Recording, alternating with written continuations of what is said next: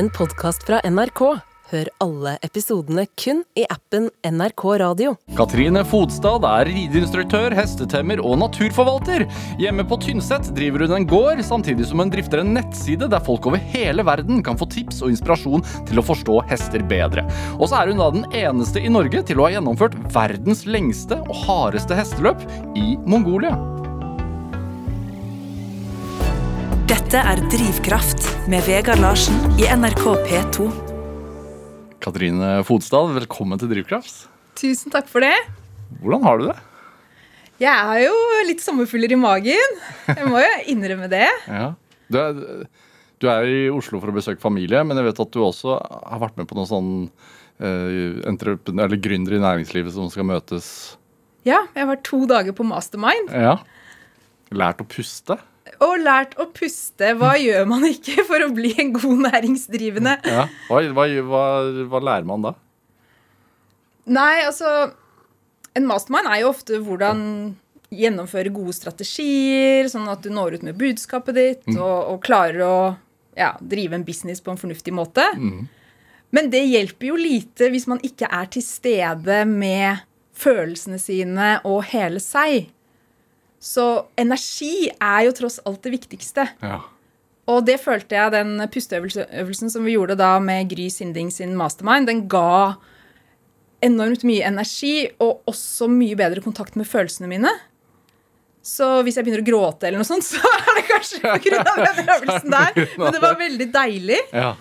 Og, og, liksom gå all in med kropp og sjel. Ja. ja. Du, kropp og sjel er det viktig for deg? Sånn sammenhengen, For jeg veit du har starta dagen i dag med yoga også.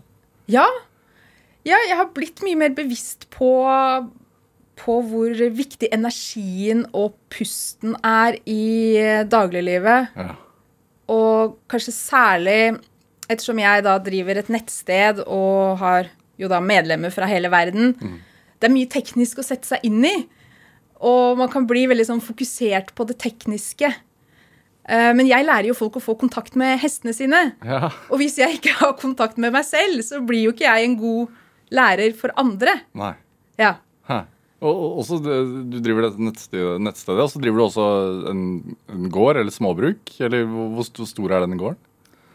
Ja, Vi har jo nå 160 vinterfòra sauer. Ja. Og vi driver jo økologisk. Så jeg vil jo si det er en uh, middels stor gård. Ja. ja. Hva slags sau? Det er gammelnorsk spæl. Hva, hva, hva, er det for en sau? Det er den... Er, er, altså, når man ser for seg en sau, så ser man jo for seg den hvite sauen på, på vanlig beite som altså, Sånn sau ser ut. Men hvordan ser denne spælsauen ut? De har uh, forskjellige farger. De er mm. brune, og de er grå, og de kan ha horn.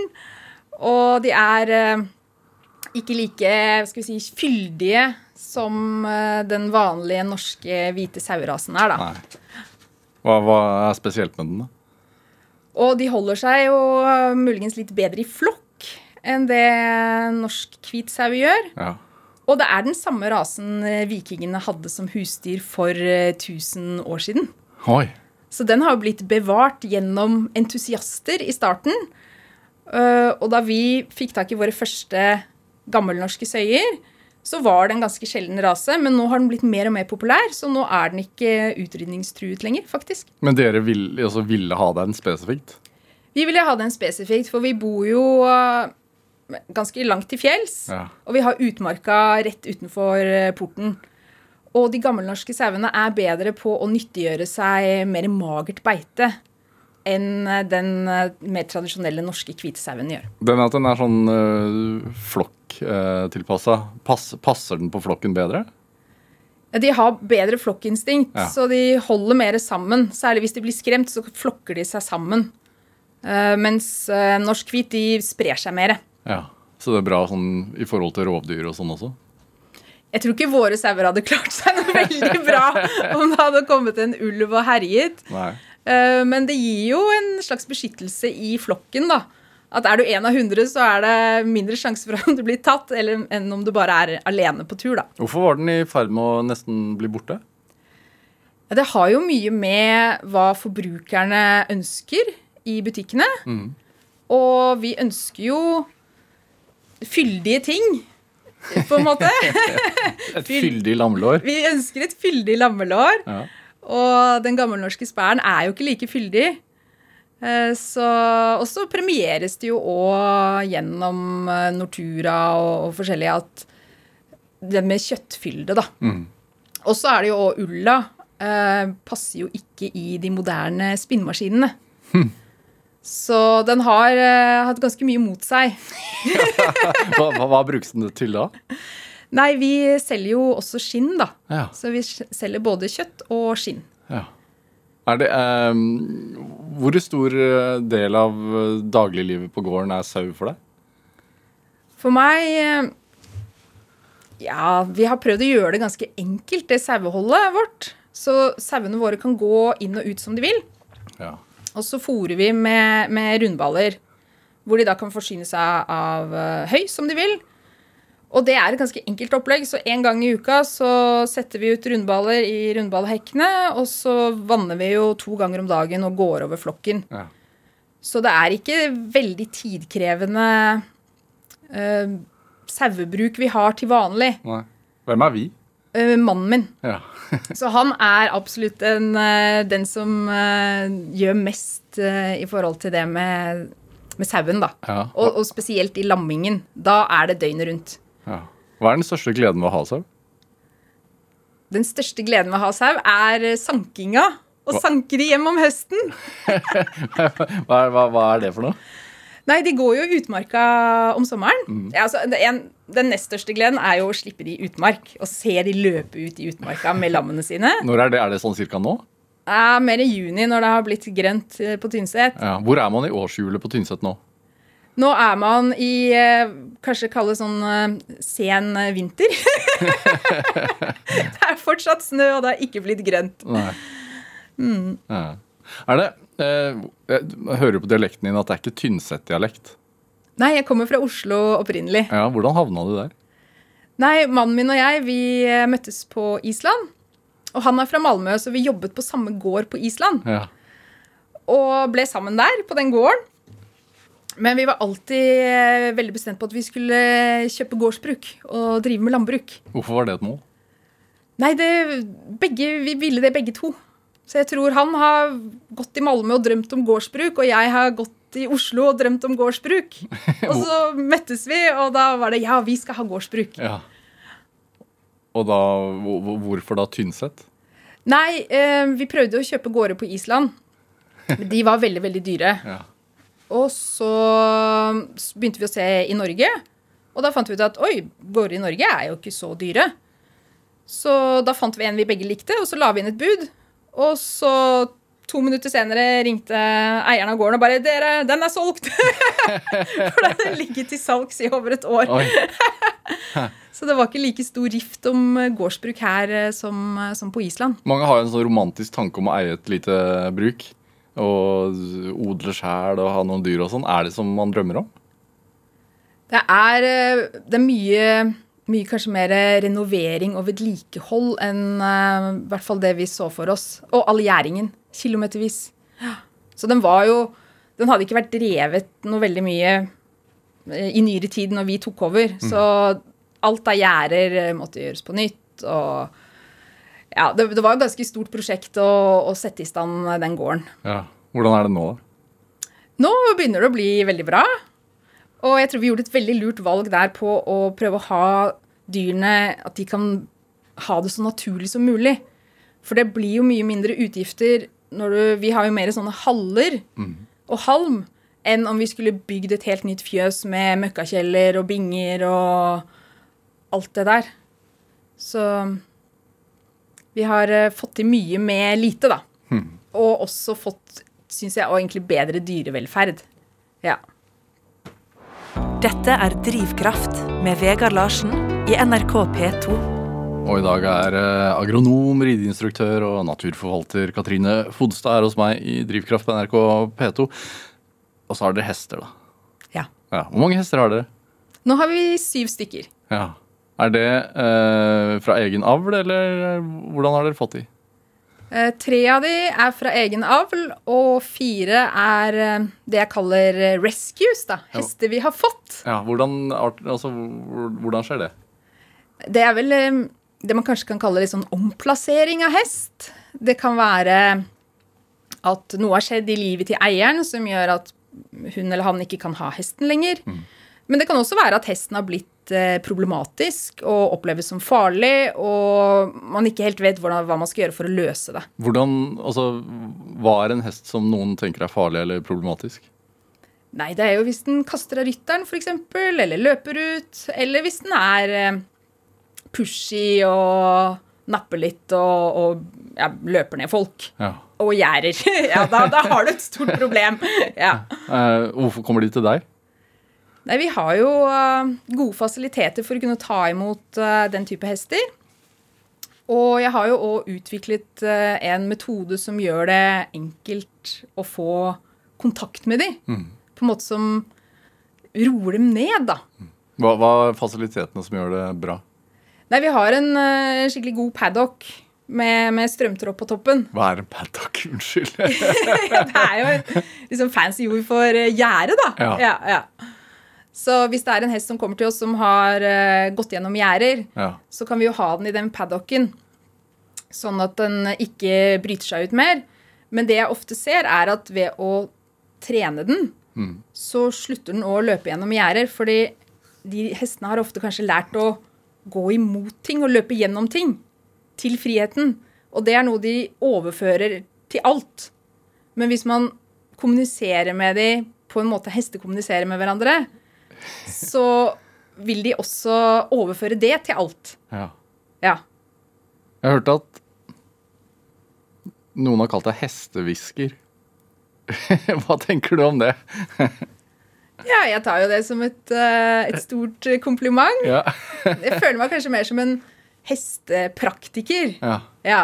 Hva vil det si? Nei, for jeg står jo ikke der og hvisker hesten i øret. Men jeg har jo laget et slags system for hvordan vi kan kommunisere til hesten og på en måte ta vakta for hesten.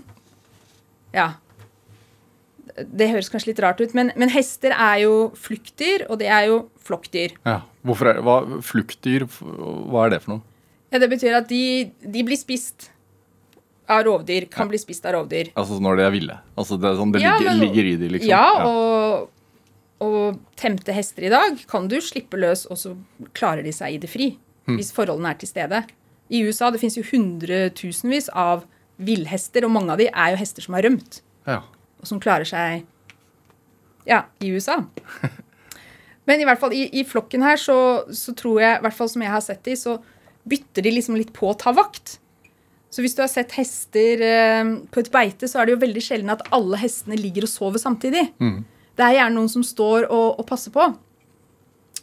Og hvis man kan kommunisere til hesten at man er i stand til å ta vakta, så har man med en gang noe å tilby hesten som den hele tiden er på utkikk etter.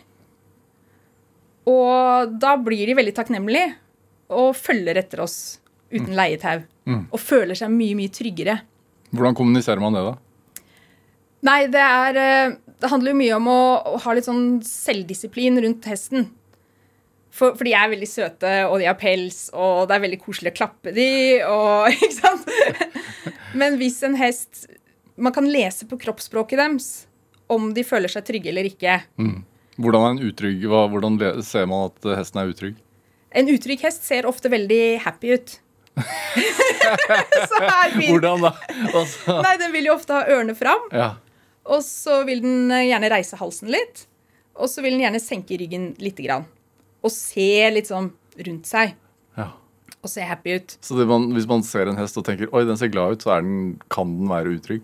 Ja, da kan det være at den er egentlig fokusert på omgivelsene og eh, ikke har eh, innsett at personen ved siden av dem er, eh, har muligheten til å ta vakta. Ja.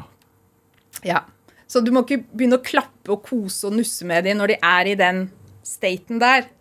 Men man kan se det, og så kan man prøve å fasilitere at hesten fokuserer litt på oss, og idet den ser på oss, så slapper den av og føler seg mer trygg, mens jeg da ser på omgivelsene.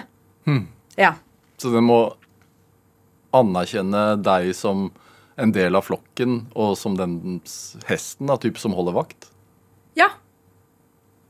Og det er klart, hvis jeg ikke ser at den hesten er på vakt, og ikke gjenkjenner det kroppsspråket, så vil jo den hesten med en gang tenke Hvis hun ikke ser nå at jeg er på vakt, så hvordan i huleste skal hun kunne oppdage ulver i buskene?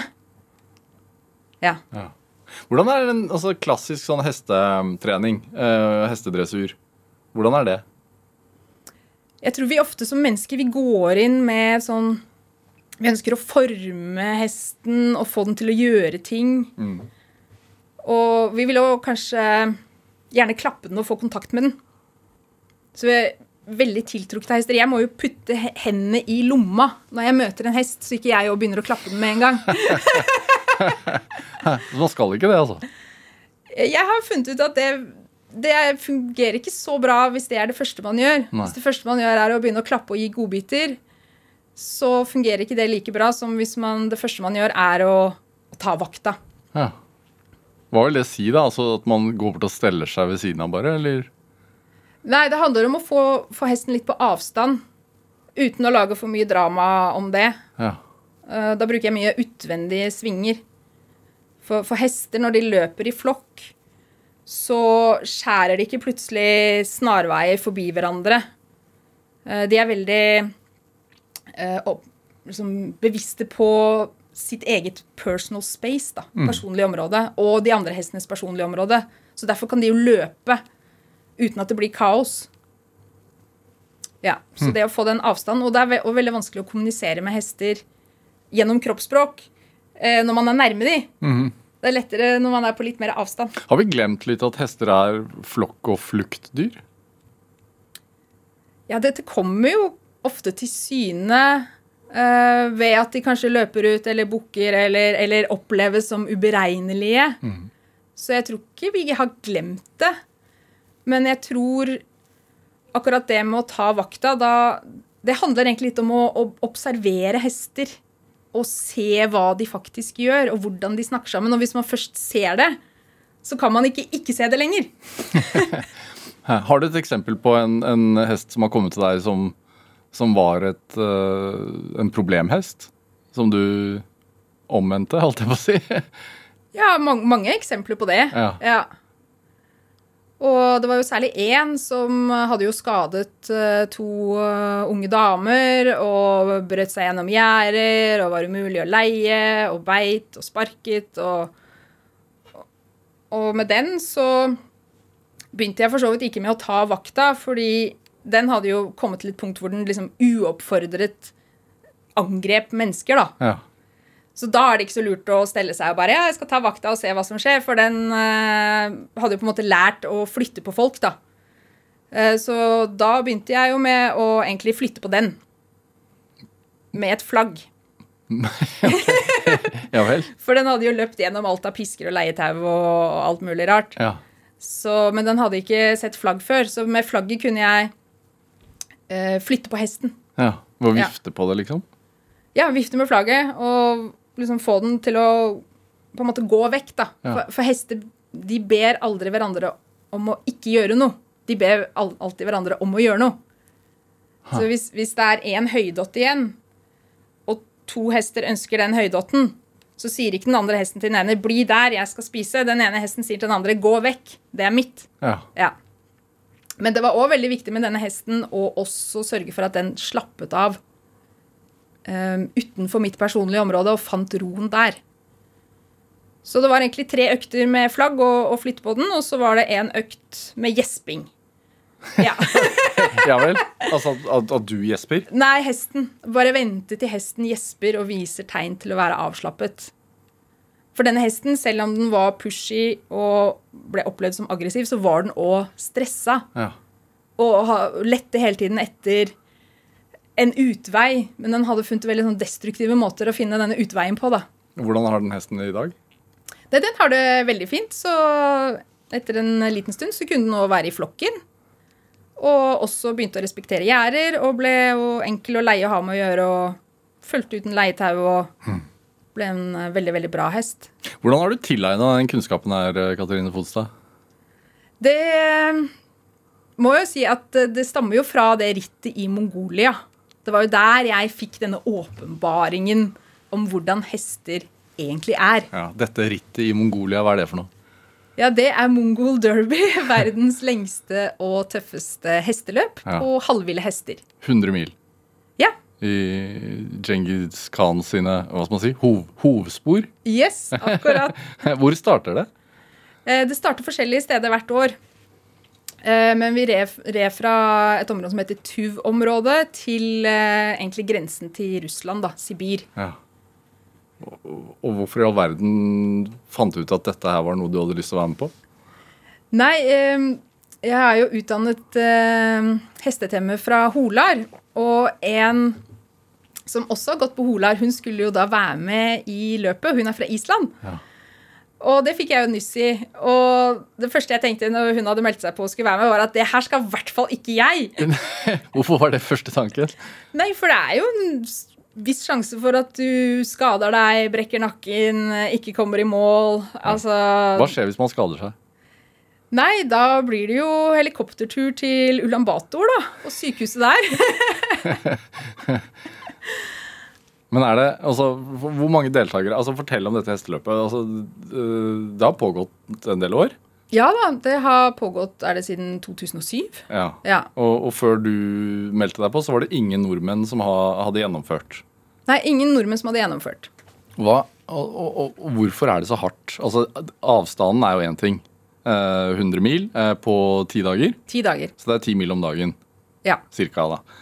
Eh, det i seg selv skjønner jeg at det er en utfordring, men hva annet er det som gjør at det er et tøft løp? Det er jo hestene, da. For hestene er halvville i Mongolia. Ja. Så der er det ingen gjerder.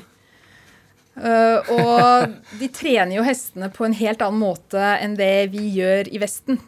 Så det er veldig viktig at hestene bevarer sitt halvville preg, sånn at de kan klare seg utendørs hele året.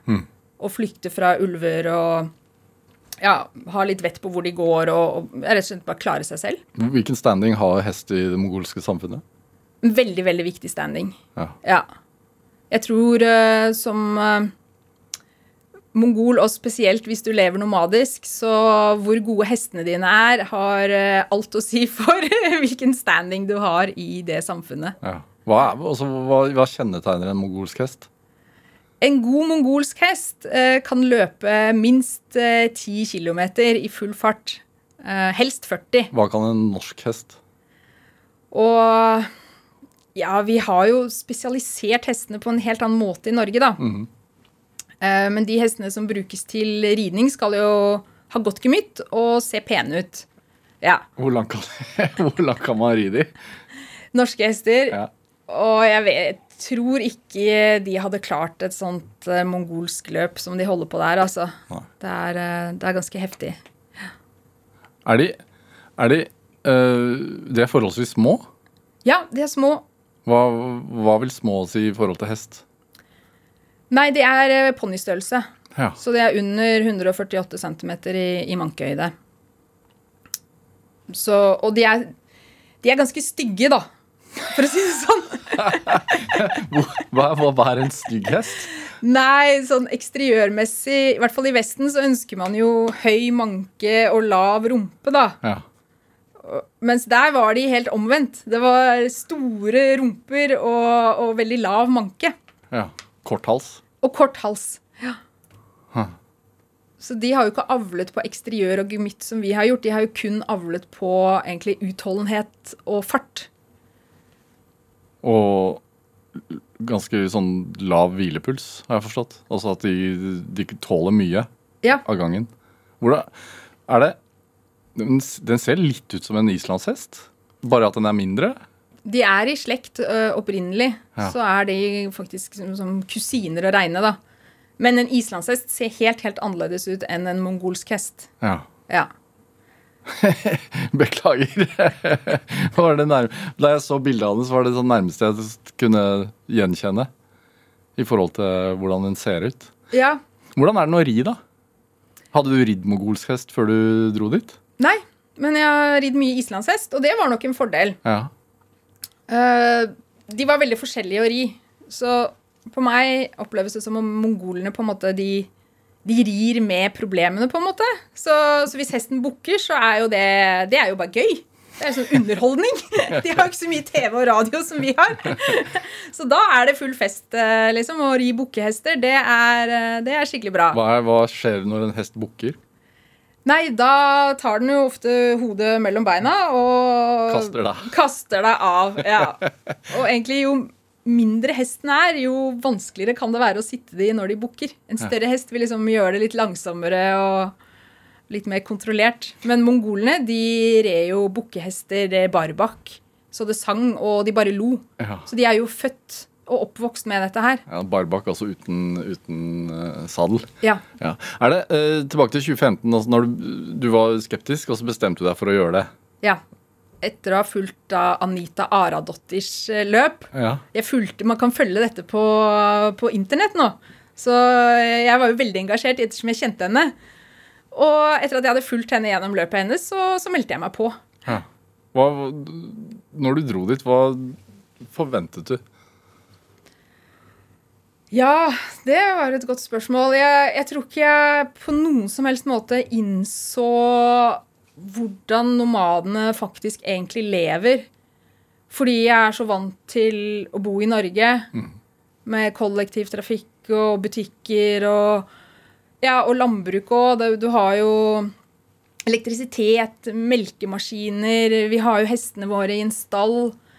Altså, jeg, jeg hadde skjønte ikke hvor omfattende det livet uten elektrisitet ute på steppene året rundt, hva det egentlig innebærer.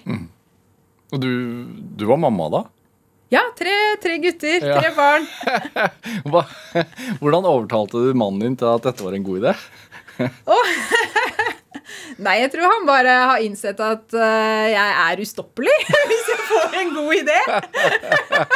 Så det Ja.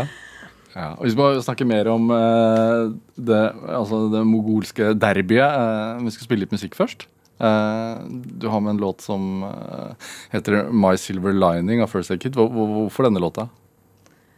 Nei, jeg, jeg hører på den når jeg trenger motivasjon og oppmuntring. For jeg tror det er viktig at vi evner å motivere oss selv. Og da kan jeg sette på den låta, og så føler jeg en sånn glede og motivasjon for å ja, keep on keeping on. Ja. La oss høre.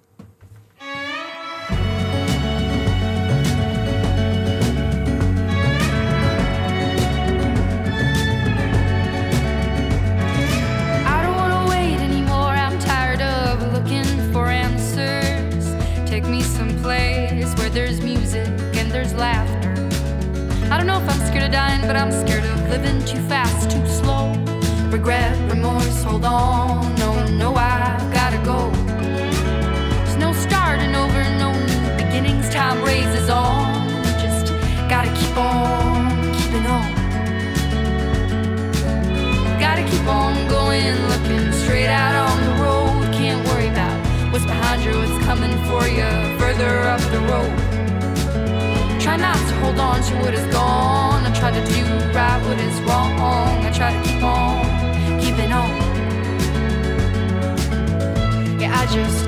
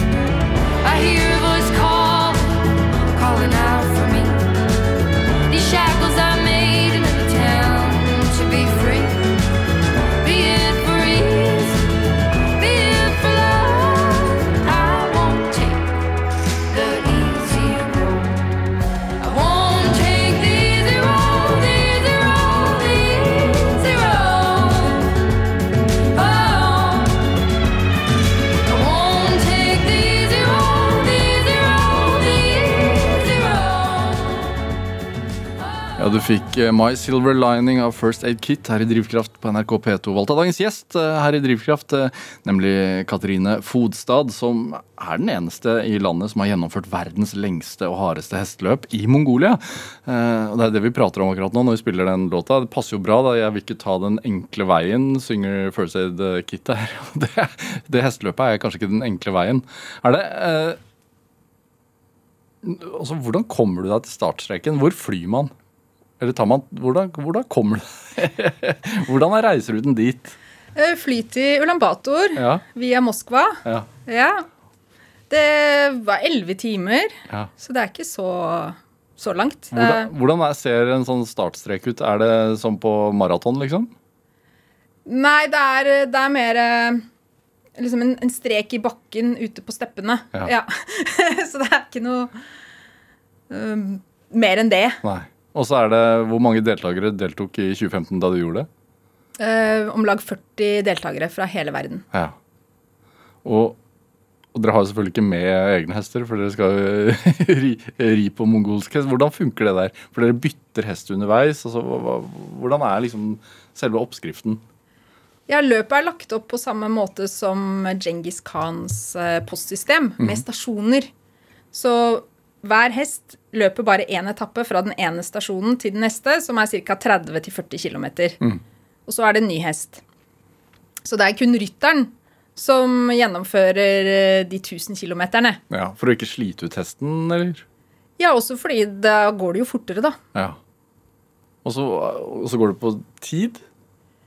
Ja, det er jo om å gjøre å komme først i mål. Ja, Men er det ikke sånn altså at man må gjennomføre etappen på et visst tidspunkt? Ja, vi hadde en uh, viss ridetid, da, så vi kunne ri fra åtte om morgenen til åtte om kvelden. Ja. Så etter det var løypa stengt. Og det var nok litt for å holde orden på oss og, og liksom holde oversikt. Og, og også veterinærene som Der på hver stasjon er det jo en veldig omfattende veterinærsjekk av hesten du ankommer med. Ja. Hvorfor det? Nei, for uh, uh, det er jo veldig viktig at de hestene ikke skader seg og blir slitt ut, og at man rir de for hardt, da. Ja. Så man får trekk hvis f.eks. Uh, pulsen er for høy når du kommer i mål? Ja. Ja. Er det Stemmer det at du hadde en ganske sånn uheldig start?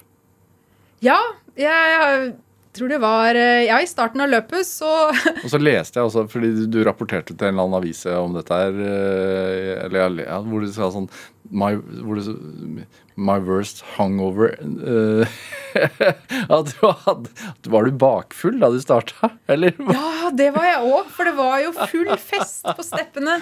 Det var jo startfest. ja, Er det Ja, de Adventurist er veldig gode på å lage ekstreme, spektakulære opplevelser. Ja. Ja. ja. Bra utgangspunkt for uh, 100 mil på hesteryggen. Ja. hva, hva, hva, hvilken hest fikk du utdelt, da? Nei, den uh, var ikke noe særlig fart i, den. Nei.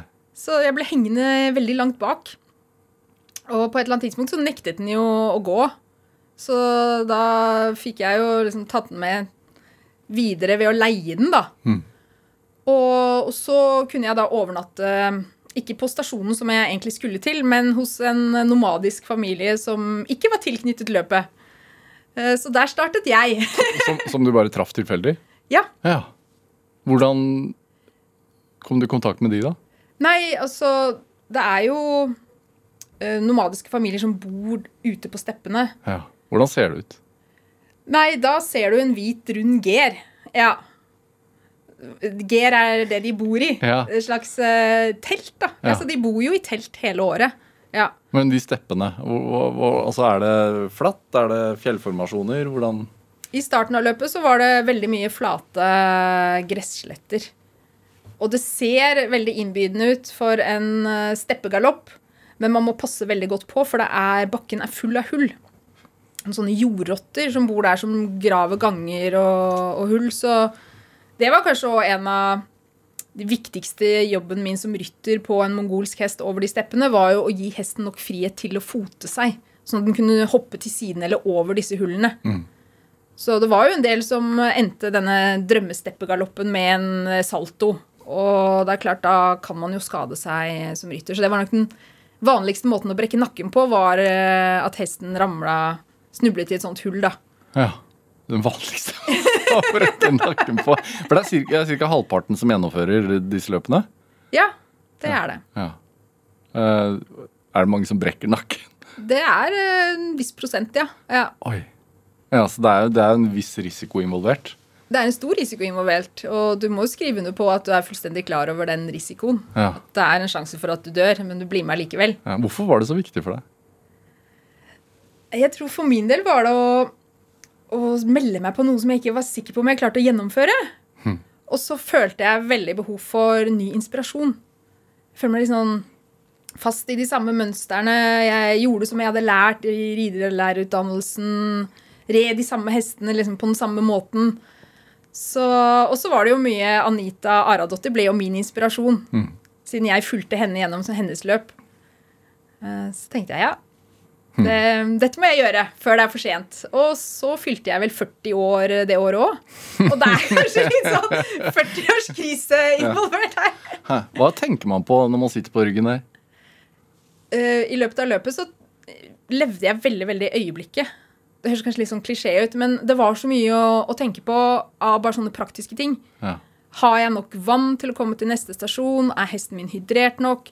Har jeg batterier i den Garmin, sånn at jeg kan navigere? Ja, for du navigerer etter en GPS. Ja, man må navigere selv. Ja. Det er ikke noe merka løype, nei. Nei.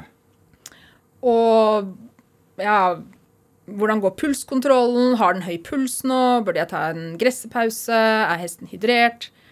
Um, kan jeg ta av meg jakka? Nei, det kan jeg ikke. Var du nesten skremt? Ja. Eller hvis du må på do, f.eks. Det er det best å ikke finne på noen sånne ting ute på steppene med en halvvill hest. Men jeg tenker når du er på steppene i Mongolia med en halvvill hest, og det eneste verktøyet ditt er en GPS, og du må passe på at du har nok batteri altså Du må jo føle deg uh, midt i ingenmannsland, langt fra alt som er kjent. Ja. Er, var det følelsen du var ute etter? Jeg tror jeg var kanskje i i litt sånn overlevelsesmodus. ja. Helt til nest siste stasjon så var jeg i overlevelsesmodus. Um, og skulle fokusert på å gjennomføre. ja. Og det som òg skjedde i starten, var jeg havnet jo ganske langt bak. Og det var jo grusomt varmt. Det var liksom 40 varmegrader og ikke noe skygge noe sted. Det var en sånn hetebølge. Og jeg var så sliten og utkjørt, og hele kroppen verket. Eh, Jeg følte jeg begynte å bli dehydrert, svimmel. Man kaster opp, liksom. Og jeg bare Det her er jeg ikke sikker på at jeg, jeg klarer. Nei. Og så tenkte jeg kanskje jeg skal motivere meg selv litt med målstreken her. Så da sjekka jeg GPS-en min hvor langt det var igjen til mål, og da var det over 800 km til mål. Du hadde så vidt begynt. Hadde så vidt begynt. Og da skjønte jeg at det her, det her kommer jeg jo ikke til å klare. Nei. Hvordan motiverer man seg da, da? Nei, men så skjønte jeg jeg kan jo faktisk komme meg til neste stasjon, og så kan jeg hvile der. Ja. Og det var bare 15 km til neste stasjon. Så det skulle jeg klare. Selv om jeg var dehydrert og utslitt og egentlig nesten ikke klarte å sitte oppreist, så skulle jeg komme meg til neste stasjon. Så hele løpet fra da av og til mål var, handlet bare om å komme seg til neste stasjon. Ett skritt av gangen, på, på en måte. Ja, Ja. For det å tenke på målstreken, det ble veldig demotiverende. Ja. Er det noe du har tatt med deg i forhold til livet etterpå? Sånn Ja. kortsiktige mål istedenfor langsiktige? Ja, og ta det neste steget nå, som fører deg videre. Ja. Ikke tenk på alt du må Heller sluttresultat og, og alt det. Bare tenk på hva er neste steg. ja. Hva er det neste steget jeg kan gjøre nå? Du hadde jo uh, massiv hestekunnskap før du dro. Heldigvis, holdt jeg på å si. Uh, det er en fordel når man legger ut på noe sånt. Uh, men, men hva måtte du lære på nytt? Ja, jeg tror jo den hestekunnskapen jeg hadde, det var egentlig ikke noe veldig stor fordel. For å være helt ærlig. Så for den hestekunnskapen jeg hadde lært da, som ridelærer og hestetemmer, handlet jo veldig mye om å kontrollere hesten. Så faktisk da jeg dro til Mongolia, så tenkte jeg at jeg kanskje skulle lære nomadene litt. Hvordan de kunne trene hestene litt mer sånn hestevennlig, og, og kanskje lære opp hestene litt òg. Men det som skjedde, var at det var jo hestene som lærte meg. Ja. Hvordan da? De lærte meg å gi slipp. Hva vil det si å gi slipp når man rir? Å ikke fokusere på å kontrollere hesten, men å, å bare bli med hesten. Hvordan styrer man den da? Nei, du kan komme med litt sånn innspill etter hvert. Når hesten føler at du er en ålreit passasjer, på en måte. Ja. For hvis de hestene de følte seg veldig truet av å bli kontrollert. Og da hadde jo ikke de muligheten til å fote seg i de hullete steppene eller flykte fra ulver eller eh, flokker av ville hunder. Så da kvitter de seg jo med rytteren. Og det gjør de jo veldig enkelt. De er jo veldig spreke og, og raske, så det, de var gode på å bukke. Så ved å bare bli med Og, og det var jo hestene òg som kjente Mongolia. Mm. Jeg var jo en fremmed der. De bor jo der hele året. Ja, det, Du måtte til og med snakke mongolsk til hesten? Ja, chu-chu Ja. brukte de mye for å få mer fart på hesten. ja. Chu-chu. Er det når, man må lære hesten å kjenne og, læ og så slippe kontroll på hesten, hva lærer man om seg selv, da? Ja, jeg lærte jo hvor kontrollerende jeg egentlig var, men at mye av den kontrollen hadde kamuflert seg gjennom myke signaler, støtte Alt dette her som vi kanskje forteller oss. Ja, hesten trenger litt støtte her, og ja, jeg rir med veldig myke hender, og Men så kommer det hele tiden ut fra et sånt punkt hvor det handler mer om å fortelle hesten hva den ikke skal gjøre, enn hva den skal gjøre. Ja. Så det fikk jeg veldig god tilbakemelding på fra, fra de mongolske hestene. Og mange flere ryttere der gjorde det jo veldig bra ved at de var litt sånn eh, mer sånn nesten nybegynnere. Men hadde veldig god balanse og veldig god fysisk form. For de trengte jo ikke da jobbe seg gjennom sitt eget kontrollbehov. de kunne jo ikke så mye. De hadde jo ikke ridd dressur. så, så det er uh... Hvordan unngår man gnagsår? Nei, det gjør man ved å følge hestens bevegelser og sitte rett. Ja. Eh, Katrine Fodstad, det er jo en, den, hva skal man si, den ekstreme formen for ridning, dette her. Men, men hest generelt, hvor, hvorfor har det blitt en så stor del av livet ditt? Når kom det inn i livet ditt? ja, jeg begynte å ri da jeg var ni, Ja. på Stall Monsrud i Hønefoss. Og jeg bare Første gang jeg var på en hest, så var jeg bare hjemme. Jeg bare elsket det. Ja, hvorfor- Kunne ikke få nok. Var du fra en hestefamilie, eller var det tilfeldigheter? Nei, ikke spesielt fra en hestefamilie. Stallen var jo ikke så langt unna der vi bodde. Så jeg fikk jo ridetime av mamma og pappa, da. Ja, Og så fikk jeg lov å fortsette å ta én ridetime i uka. Men jeg var jo i stallen hele døgnet. Og var hestepasser og Hvorfor var det umiddelbar kjærlighet? da? Nei, om det Nei, det er ikke godt å si. Kanskje Det føltes som å komme hjem, på en måte. Og det ga jo livet en veldig sånn mening. Så tror jeg jeg var ganske energisk. Så det var jo veldig lurt å ha oppgaver i stallen og, og hester som skulle passes på, børstes og, og luftes og sånn, i håp om at jeg kanskje kunne få ri en liten skrittetur av eieren.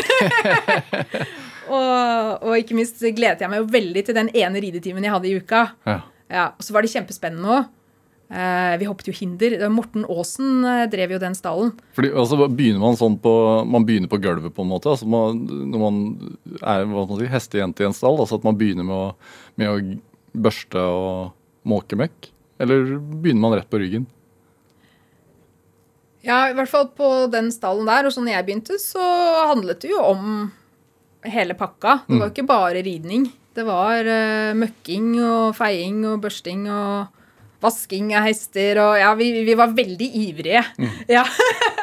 Hvorfor er det flest jenter? Nei, det kan lurer jeg også på. Uh, i, på Island er det jo omvendt. Der er det jo flere gutter som rir. Og absolutt i Mongolia òg er jo dette en mer manne, mannesport. Mm. Hvem var du før du begynte med hesten, da? Som barn? Ja, jeg tror jeg var litt vill. Jeg så noen sånne bilder her. Jeg var i sånn barnebursdagsselskap. Vi hadde på sånne kjoler og greier. Og de andre barna danset litt sånn pent og pyntelig, men jeg liksom bare sto og herjet på dansegulvet der. Så jeg var kanskje litt eh, Litt sånn spontan og energisk, kanskje. Ja. Ja. Hvor ofte var du i stallen som barn? Jeg var der hver dag. Hæ. Ja. Og i ferien og alt. Ja, ja. Hva lærer man da? Altså, hva, hva gjør det med et, uh, livet til et barn? Nei, man lærer jo hva arbeid er, da. Og jeg husker vi var sultne hele tiden. Sånne ulver. Ja, vi spiste sånn melassi fra hestene. Og var veldig sultne og jobbet mye. Og, og lærer jo å ta ansvar, da. Ganske tidlig. Mm. For den hesten får jo ikke mat hvis man ikke fôrer den. Men ble det, altså, Var det hest gjennom hele tenårene? Nei, og så flyttet vi til Oslo. Ja. Ja. Og da kan det jo være at jeg mistet litt eh, fotfeste og hadde ikke noen veldig sånn konstruktiv måte å få ut den energien på. Eh, Så jeg eh, var veldig sånn protest mot det borgerlige og Er du fra et borgerlig hjem? Ja, man kan jo si det. Ja. Både mamma og pappa jobber jo, vi hadde jo et bra hus og Ja. Så det protesterte jeg veldig mot, da. Hvordan da?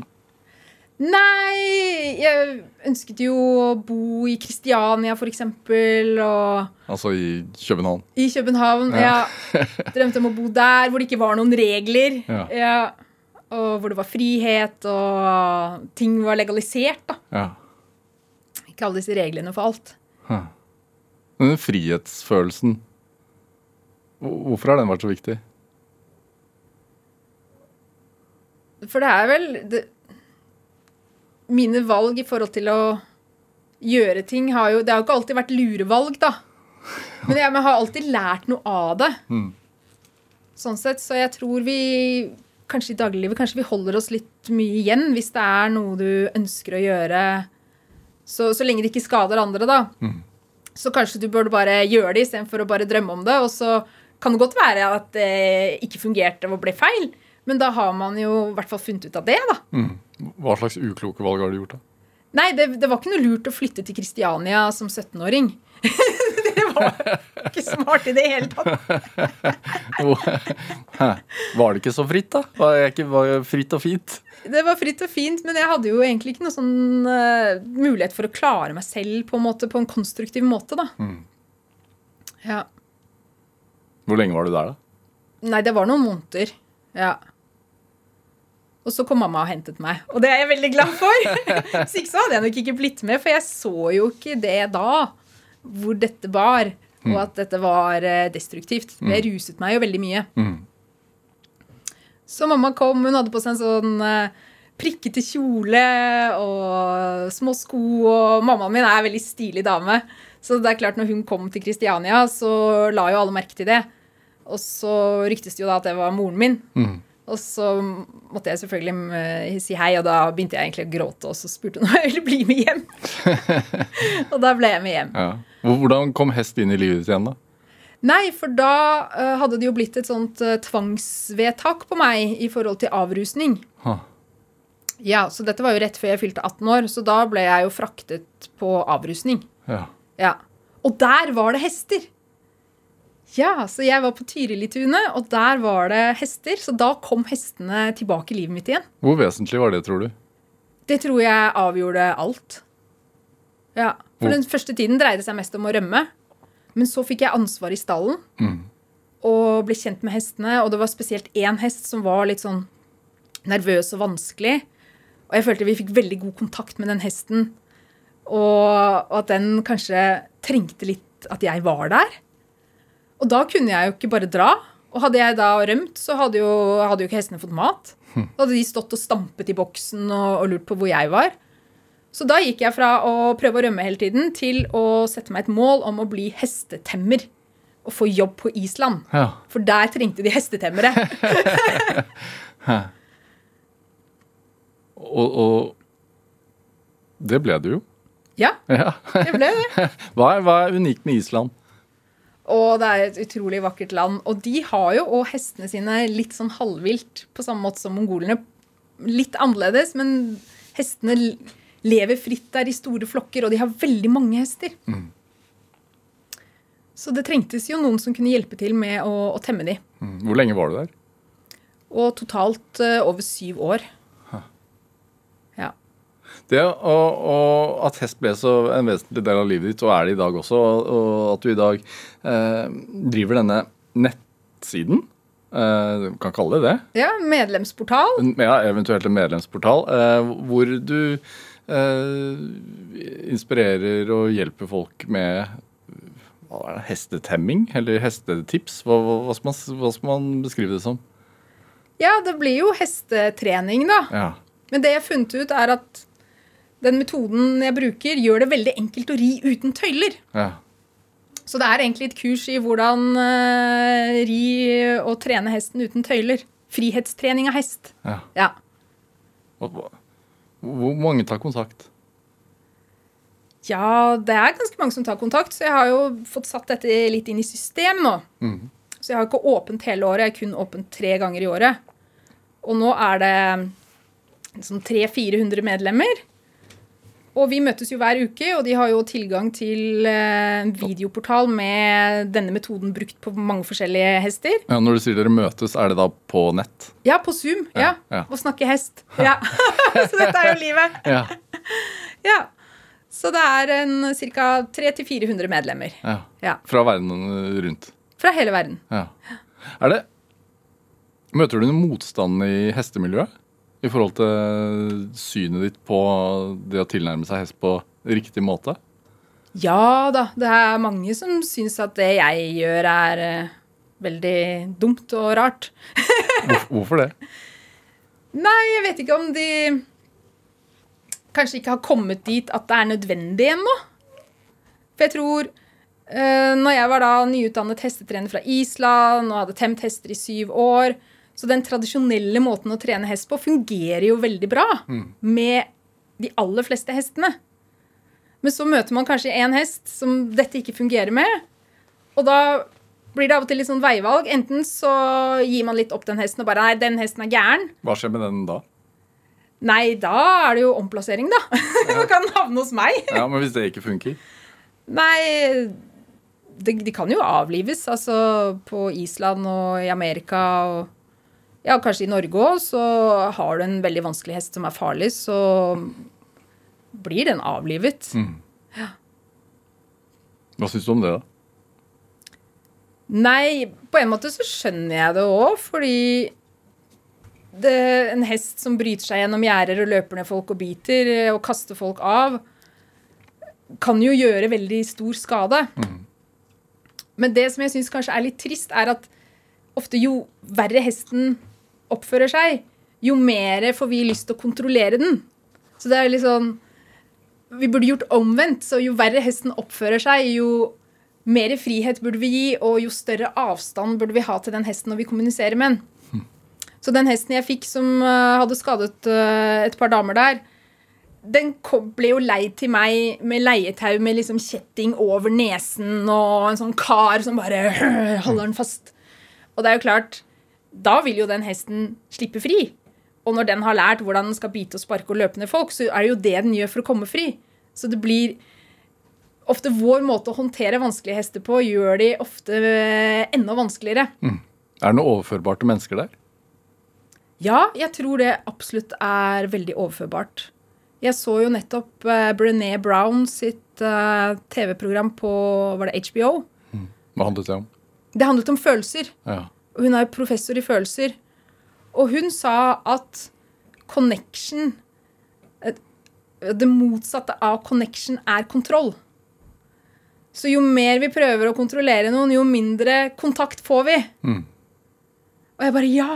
Det stemmer jo, både for oss mennesker, og, men spesielt for en hest, som er et flyktdyr som ønsker en vei ut. ja. Og den hesten vet jo det med en gang om vi ønsker å kontrollere den, eller om vi ønsker å få kontakt med den og hjelpe den ved å ta vakta. Du er, jo du, du, du er jo mor, da. Du har jo barn. Oppdrar du de som hest? Med full frihet? Der der du tar vakta?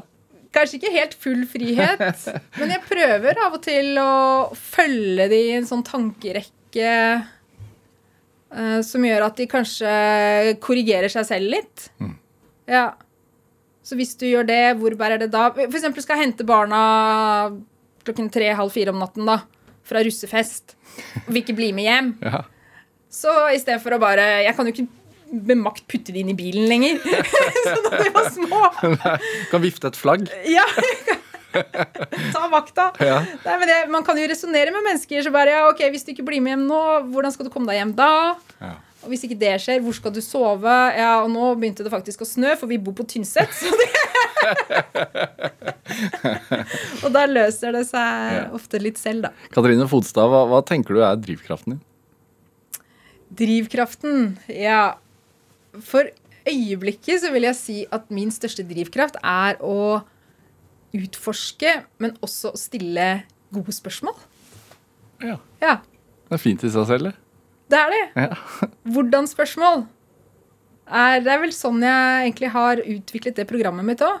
Hvordan kan jeg gjøre dette til en øvelse som andre også kan gjøre? Mm. Istedenfor å spørre hvorfor får vi ikke kontakt med hesten? Ja. Fint. Katrine Fodstad, tusen takk for at du kom til Drivkraft. Hør flere samtaler i Drivkraft på nrk.no eller i appen NRK Radio. Send oss gjerne ris eller ros, og også tips til mennesker som du mener har drivkraft. Send en e-posten til drivkraft.krøllalfa.nrk.no. Vi hører veldig gjerne fra deg. Produsent i dag det var Kjartan Aarsand, mens Anne Hoff gjorde research til denne sendingen. Dette var Drivkraft. Jeg heter Vega Larsen. Vi høres. Du har hørt en podkast fra NRK. Hør alle episodene kun i appen NRK Radio. Abid Rajas liv er som klippet ut av en Bollywood-film. Du kommer til å bli kultur- og likestillingsminister. Han er fattiggutten med alle oddsene mot seg. Altså, det, hadde vært, det var så latterlig langt ifra virkeligheten. Men så møter han noen helt spesielle mennesker som hjelper han. Ja, det var min baby. Abid og de gode hjelperne hører du kun i appen NRK Radio.